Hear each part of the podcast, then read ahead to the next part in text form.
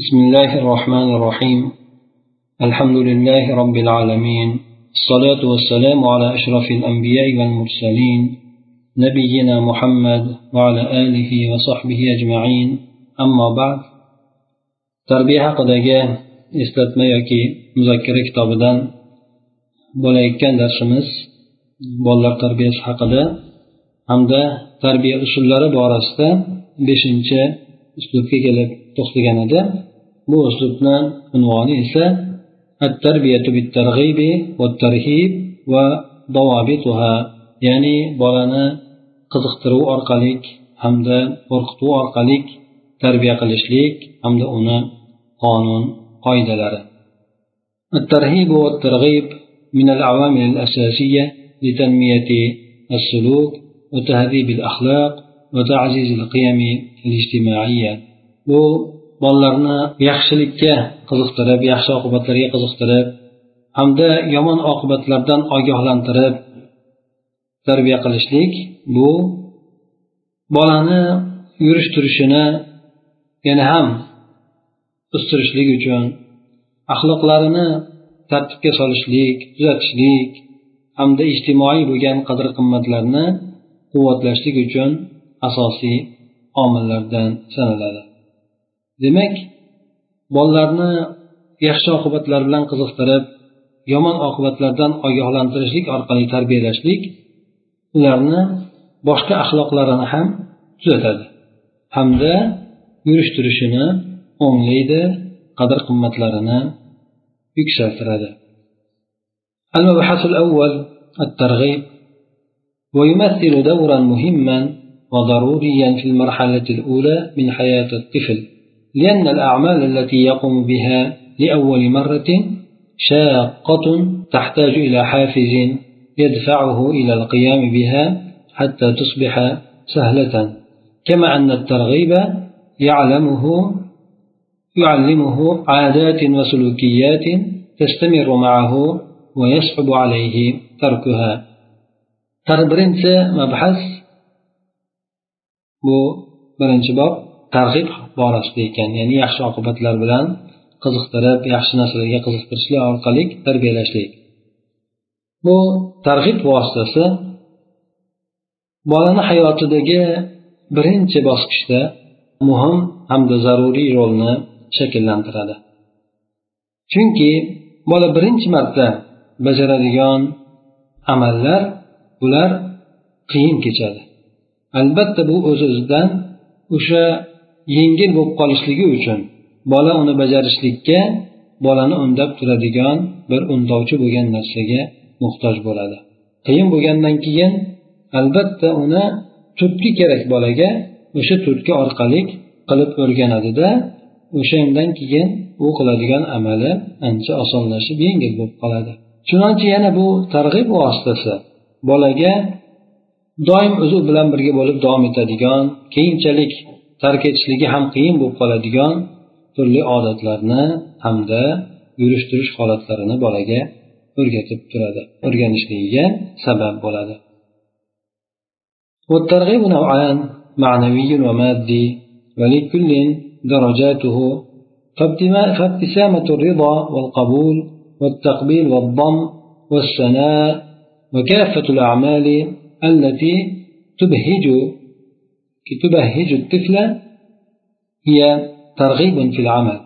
ويرى بعض التربويين أن تقديم الإثابة المعنوية على المادية أولى.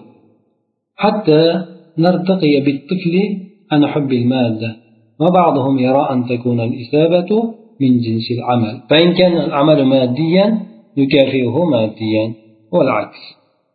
ترغيب holati ikki xil bo'ladi ma'naviy tomondan qiziqtirishlik hamda moddiy tomondan qiziqtirishlik.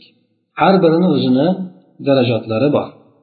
Masalan rozi bo'lib tabassum qilishlik rozi bo'lib qabul qilib tabassum qilishlik hamda yuzidan peshonasidan o'pishlik bag'riga bosishlik maqtashlik.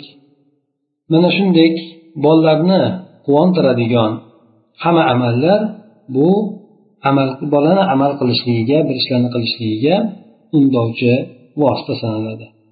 Ba'zi tarbiyachilar ma'naviy tomondan bolani mukofotlashlikni moddiy tomondan mukofotlashlikdan avlo deb bilishadi. Shu muhimroq shu yaxshiroq deb bilishadi. Hattoki bolani shu moddani yaxshi ko'rib qolishlik moddiyatparast bo'lib qolishligi yoki bo'lmasa faqat mol dunyoni yaxshi ko'rib qolishlik mana shu darajadan bolani yuqoriga ko'tarishligimizga bu narsa sabab bo'ladi dedi. Ba'zilar aytishadiki mukofot o'sha amalini jinsidan bo'lishi kerak. Agar amal moddiy bo'ladigan bo'lsa ya'ni bir moddiy bir ishni bajaradigan bo'lsa biz uni moddiy tomondan mukofotlaymiz.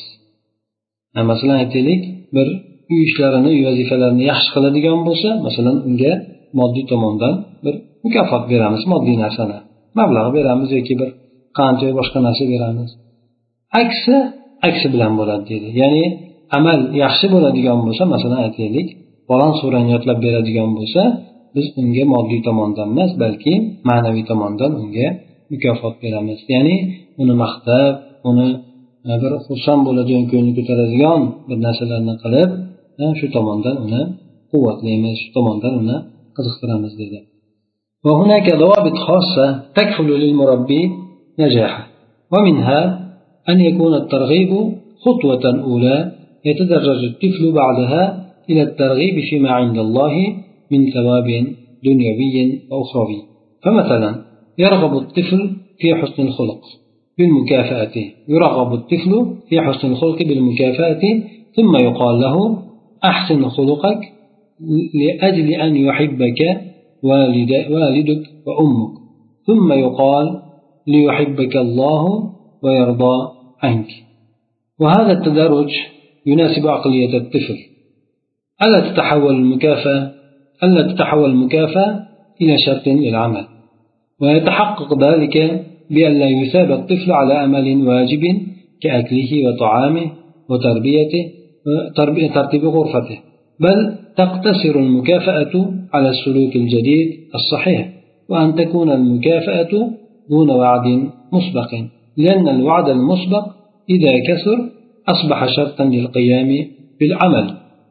أن تكون بعد العمل مباشرة في مرحلة الطفولة المبكرة.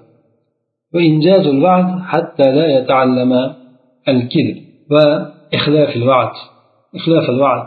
وفي المرحلة المتأخرة يحسن أن نؤخر المكافأة بعد وعده ليتعلم العمل الآخرة ولأنه ينسى لأنه ينسى تعب العمل فيفرح بالمكافأة. لأنه ينسي تعب العمل ham bo'ladi endi bu yerda tarbiyachi uchun o'sha qilayotgan amalida muvaffaqiyat qozonishligiga kifoya qiladigan qonun qoidalar bor. Ya'ni xos bo'lgan qonun qoidalar bor.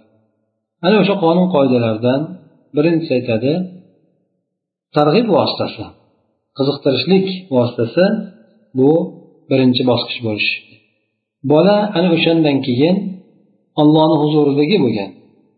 Dunyo mukofoti bo'lsin oxirat mukofoti bo'lsin ana o'sha narsalarga qiziqishligiga sekin sekin olib chiqiladi bolani.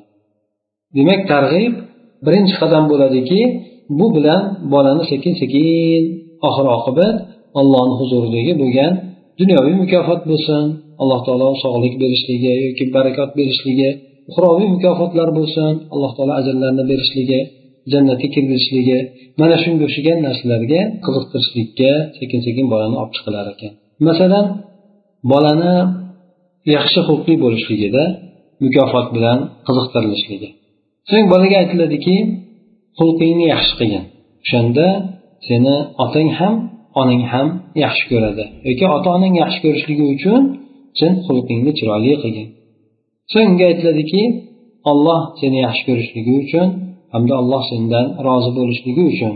Chunki inson birinchi yangi yoshlik bo'lgan paytida ota onasini birinchi biladi sekin sekin uni qalbiga alloh taoloni muhabbatini kiritiladi mana bu darajalanishlik mana bu asta bilan qilishlik albatta bolani aqliga munosib bo'ladi. Bu birinchidan edi. Ikkinchidan o'sha yerdagi bolani qilgan ishiga beriladigan mukofot amal uchun shart bo'lib qolmasligi kerak. Bu narsa shunda aniqlanadiki shunda ro'yobga chiqadiki bola o'zini qilishligi kerak bo'lgan amallariga ko'ra mukofotlanmasligi kerak. Masalan yeb ichishligi taomni yeyishligi yoki bo'lmasa xonasini tartibga solishligi masalan joylarni yig'ishtirib qo'yishligi mana shularga ko'ra mukofot berilmasligi. Balki mukofot sekin sekin faqat o'sha bolani yangi bir to'g'ri yurish turishligiga chegaralanishligi kerak bo'ladi. Hamda mukofot avvaldan va'da qilinmasdan berilishligi ya'ni tasodifan aytganimizda syurpriz qilib turib bolaga berilishligi. Chunki oldindan va'da qilib qo'yishlik agar ko'payib ketadigan bo'lsa falon ish qilsang falon narsa beraman falon qilsang falon narsa qilib beraman deb va'dani ko'payib ketib qolishligi bu bola tomonidan sodir bo'ladigan sodir bo'lishligi kerak bo'lgan amallarni bajarishligi uchun shart bo'lib qoladi. Ya'ni bola o'sha narsani bermasa o'shani bironta narsani va'da qilmasa ishni bajarmaydigan bo'lib qoladi. Shuning uchun bu keyin aqli sal kirib qolayotgan paytda unga beriladigan mukofot tasodifiy suratda ko'proq bo'lishligi munosibroq bo'lar ekan. Uchinchisida aytadiki o'sha bola qilib o'tgan ya'ni bir ishni bajargan bo'lsa o'sha ishdan keyinla bo'lishi kerak mubosharatan bevosita o'sha ishda izigiyla bo'lishi kerak. Bu albatta bolani avvalgi davrida bo'ladi. Ya'ni yoshlik uch to'rt yoshlik paytlarida bo'ladi. Yoki bo'lmasa aqlini taniguncha bo'lgan vaqtda bo'ladi. Yana shu narsani esdan chiqarmaslik kerak. Odam va'da qiladigan bo'lsa o'sha va'dasini o'tashligi hattoki bola yolg'onni o'rganib qolmasin va'daga xiloflikni o'rganib qolmasin o'sha va'da qilib turib bermasligi yoki bo'lmasa va'da qilib turib xilof qilishligi shu narsalardan bola yolg'onchilikni va'da qilib va'dasiga vafo qilmaslikni o'rganib qolmasin. Shunga diqqat qilinishligi kerak bo'ladi deydi keyingi bosqichida bo'lsa aqli kir bo'lgandan keyin masalan boya olti yetti yosh undan keyinroq bo'ladigan bo'lsa bunda albatta mukofotni va'da qilgandan keyin biroz kechiktirishligi yaxshi bo'ladi. Doimki bola oxirat uchun ham amal qilishlikni o'rgansin. Chunki bu narsa bolani o'sha amal qilgan chog'idagi qiyinchiligini bu bilan unutadi yoki bu narsa bolaga unuttiradi. Bola keyin o'sha mukofot bilan xursand bo'ladi. Ya'ni bola mukofotni mana aytaylik amaldan keyin beradi bir ish qiladi ish qilgandan keyin charchoqi o'tib ketadi. Charchoq o'tib ketgandan keyin mukofotni berilishligi bu narsa bola o'sha mukofotdan xursand bo'ladida keyin oxirat uchun amal qilishlikka sekin sekin o'rgatadi. Amalni iziga beriladigan bo'lsa unda buni meni charchaganim uchun degan narsa bilan tushunib qoladi. Shuning uchun bu narsani biroz kechiktirilgani maqsadga muvofiq bo'ladi deydi. المبحث الثاني الترهيب. أثبتت الدراسات الحديثة حاجة المربي إلى الترهيب وأن الطفل الذي يتسامح معه والداه يستمر في إزعاجهما والعقاب يصحح السلوك والأخلاق والترهيب له درجات تبدأ بتقطيف الوجه تقطيب الوجه ونظرة الغضب والعقاب والعتاب وتمتد إلى المقاطعة والهجر والحبس والحرمان من الجماعة أو الحرمان المادي والضرب وهو آخر درجاتها. ويجر بالمربي أن يتجنب ضرب الطفل قدر الإمكان وإن كان لا بد منه ففي السن الذي يميز فيه فيها ويعرف مغزى العقاب وسببه. ikkinchi mabhas bu yomon oqibatni bayon qilishlik bilan yoki qo'rqitishlik bilan bir amalni qilishlikka undashlik. Yangi izlanishlar shu narsani ko'rsatadiki tarbiya sohasidagi yangi izlanishlar shu narsani isbot etadiki. Demak tarbiyachi ba'zan bolani qo'rqitib turishligiga muhtoj bo'lar ekan. Doim ota onasi u bilan samimiy muomala qilaveradigan yaxshi erkalatib muomala qilaveradigan bola ularni bezovta qilishlikda davom etaveradi. Ya'ni ko'p bezovta qiladigan bo'lib qoladi. Lekin ba'zida iqoblashlik yengil jazo chorasini qo'llashlik bu bolani yurish turishini ham axloqini ham tuzatadi. Bu tahdidni qo'rqitishlik bilan bolani tarbiyalashlikni ya'ni qo'rqitish deganda ana olabo'ji kelyapti deb emas balki bu ishni qiladigan bo'lsang masalan qattiq tegaman bu ishni qilsang so'kaman yoki bu ishni qilsang bunday qilaman deb demak ozroq qo'rqitishlik bilan bo'ladi yani tahdid qilishlik bilan bo'ladi. Buni ham o'ziga yarasha darajatlari bor ekan bu avvalo yuzni xurmaytirishlik bilan boshlanar ekan. Bir ishni yoqmaydigan ishni qiladigan bo'lsa jindek qovog'ini solishlik hamda undan keyin g'azab nazari bilan qarashlik itoblashlik itob degani ya'ni koyishlik hmm, ya'ni yengil bolani urishishlik degani.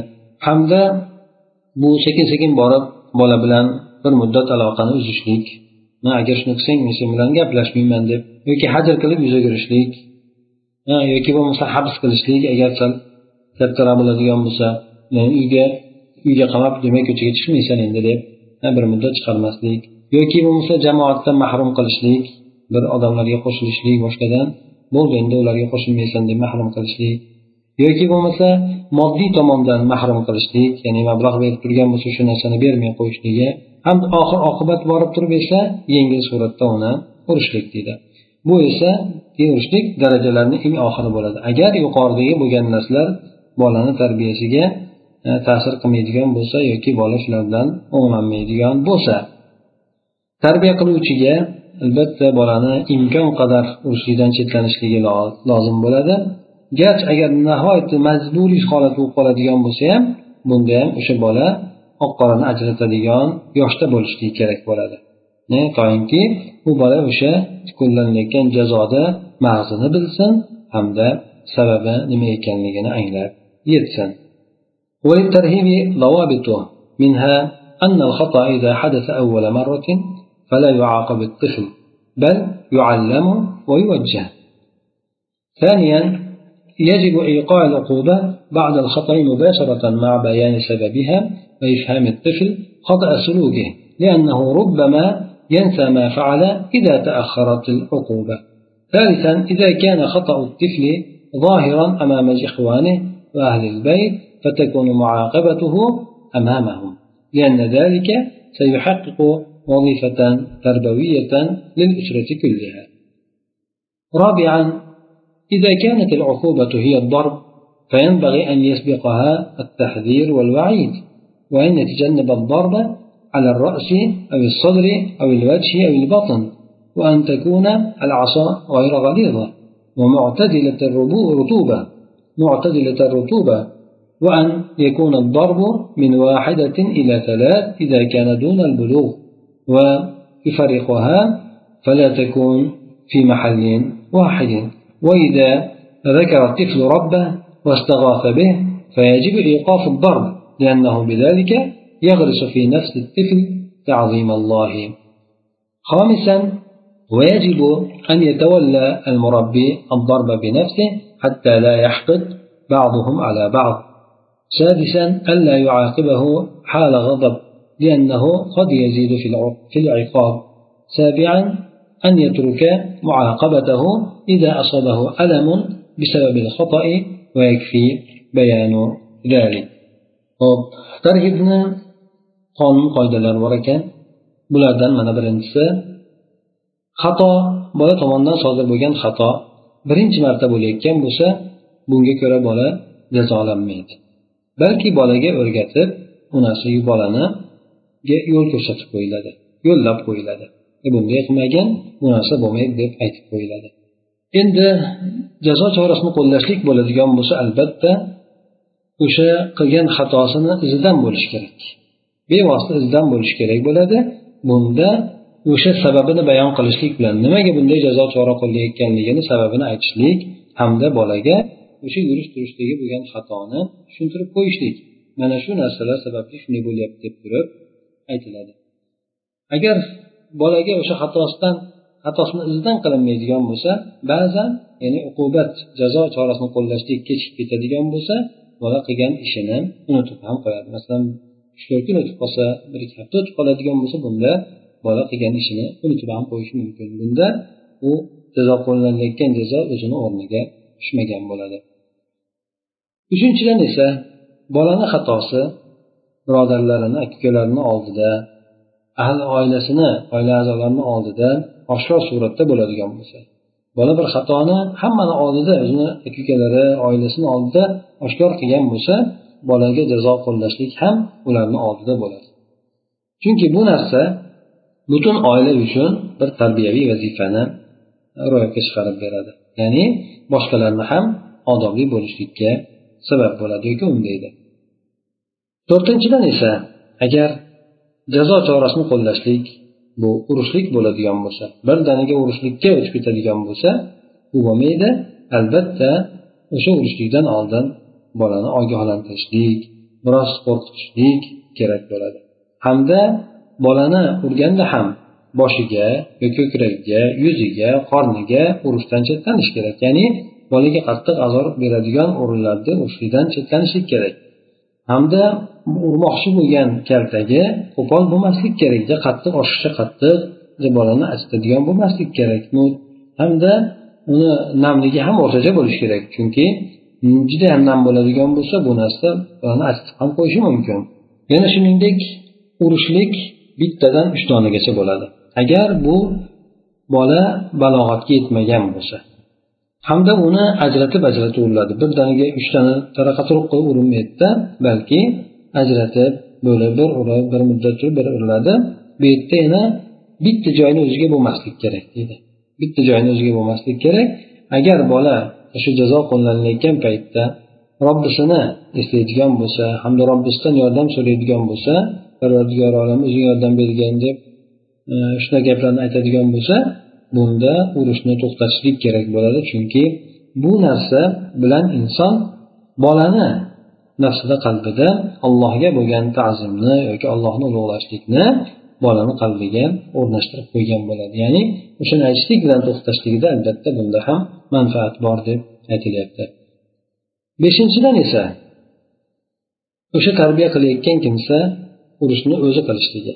Hattoki akasiga aytsa sen ur desa unda ba'zilari ba'zilariga dini adovat qilib qolmasligi uchun o'zi bajarishi kerak bo'ladi deydi.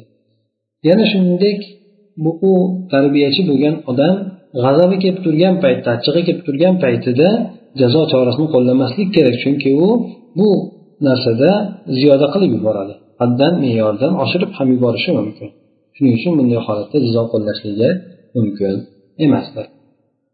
Shunda o'zini demak bosish kerak. Agar g'azab bo'lgan paytida esa qattiqroq inson zulm qilib qo'yishligi ham mumkin bo'ladi. Agar bolaga o'sha qilgan xatosi sababli alam yetadigan bo'lsa o'zi bola ushbu ishni qildi o'sha sababdan o'zi og'riq paydo bo'ldi bolada o'zi bola qiynaldi badani qiynaldi mana bunday bo'lgan paytda uni ustiga ustak qilib jazolamaslik kerak bo'ladi o'sha narsani o'zini ya'ni xatosini bayon qilib qo'yishlikni o'zi yetarli bo'ladi bu o'rinda المبحث الثالث ضوابط التربية بالترغيب والترهيب وهذه الضوابط بإذن الله تحمي الطفل من الأمراض النفسية والانحرافات الأخلاقية والاختلالات الاجتماعية وأهم هذه الضوابط أولا الاعتدال في الترغيب والترهيب.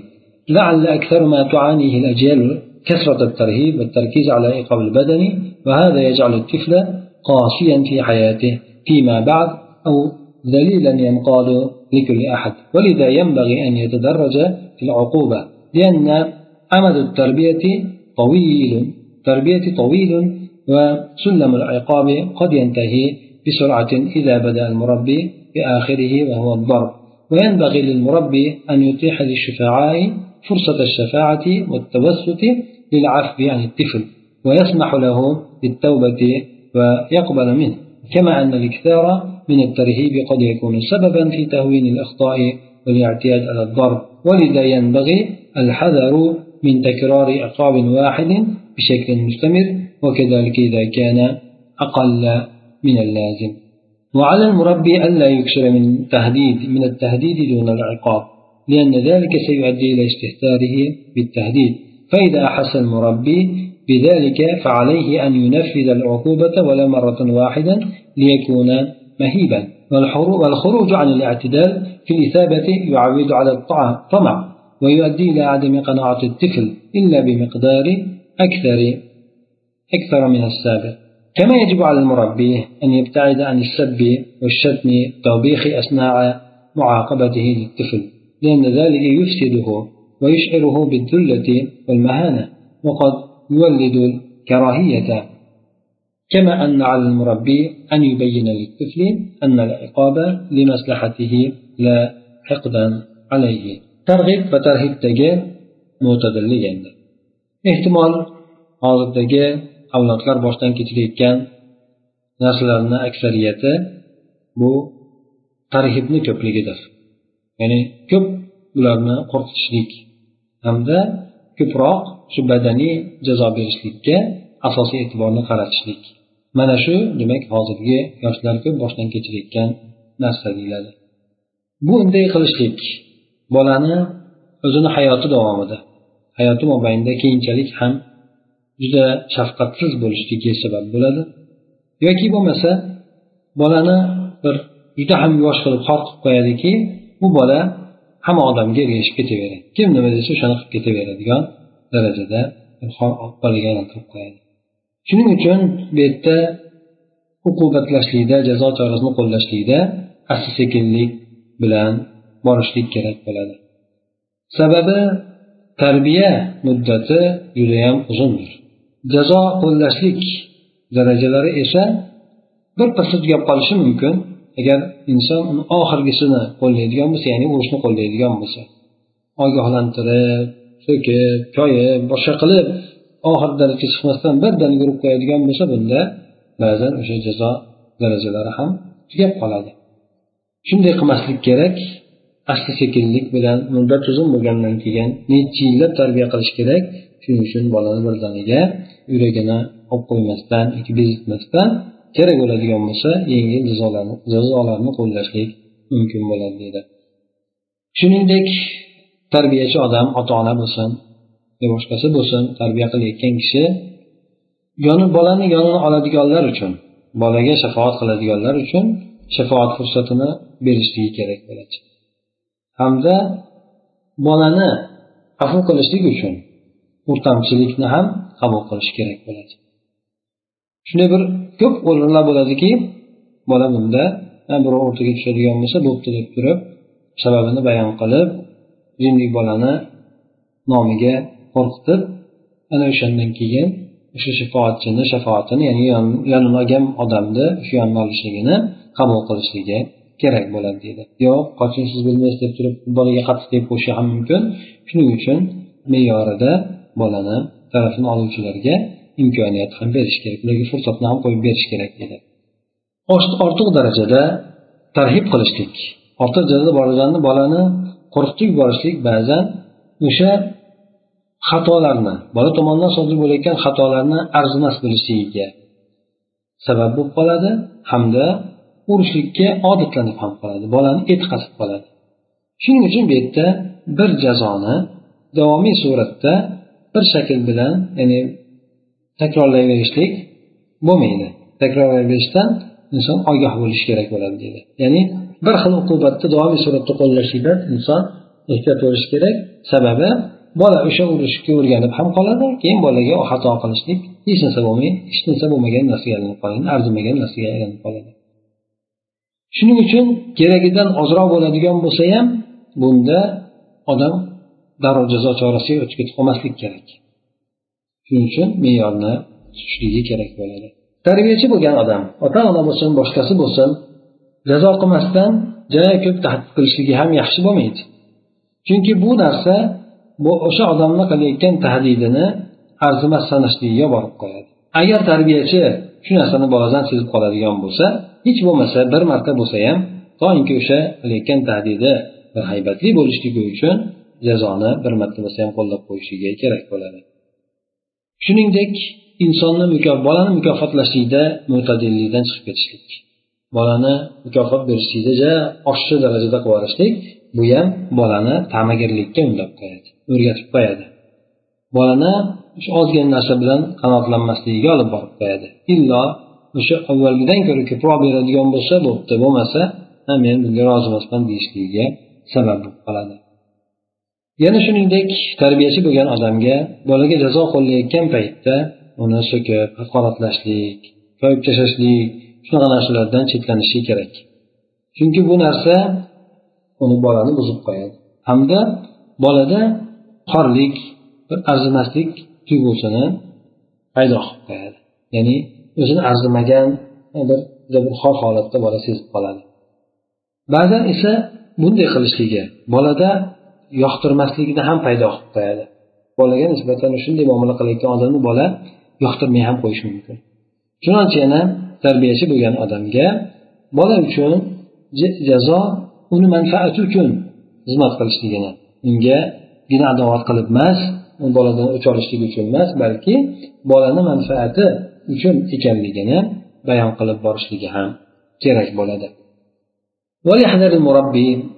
من أن يترتب على الترهيب والترهيب ترغيب الخوف من المخلوقين خوفا يطغى على الخوف من الخالق سبحانه. فيخوف الطفل من الله فيخوف الطفل من الله قبل كل شيء ومن عقابه في الدنيا والآخرة. وليحذر أن يغرس في نفسه مراعاة مراعاة نظر الخلق والخوف منهم دون مراقبة الخالق والخوف من غضبه. وليحذر كذلك من تخويف الطفل بالشرطي أو الطبيب أو الظلام أو غيرهما لأنه يحتاج إلى هؤلاء ولأن خوفه منهم يجعله جبانا. وبعض المربين يكثر من تخويف الطفل بأن الله سيعذبه ويدخله النار ولا يذكر أن الله يرزق ويشفي. ويدخل الجنة فيكون ويدخل الجنة فيكون التخويف أكثر مما يجعل الطفل لا يبالي بذكر النار لكثرة ترديد الأهل ستدخل النار أو سيعذبك الله لأنك فعلت كذا ولذا يحسن أن نوازن بين ذكر الجنة والنار ولا نحكم على أحد بجنة أو نار بل نقول إن الذي لا يصلي لا يدخل الجنة ويعذب بالنار. Aytadiki tarbiyachi o'sha qo'rqitib yoki targ'ib qilib tarbiyalashligi asnosida bolada maxluqlardan qo'rqishlik kelib chiqmasligida kelib chiqib qolishligidan ehtiyot bo'lsin deydi.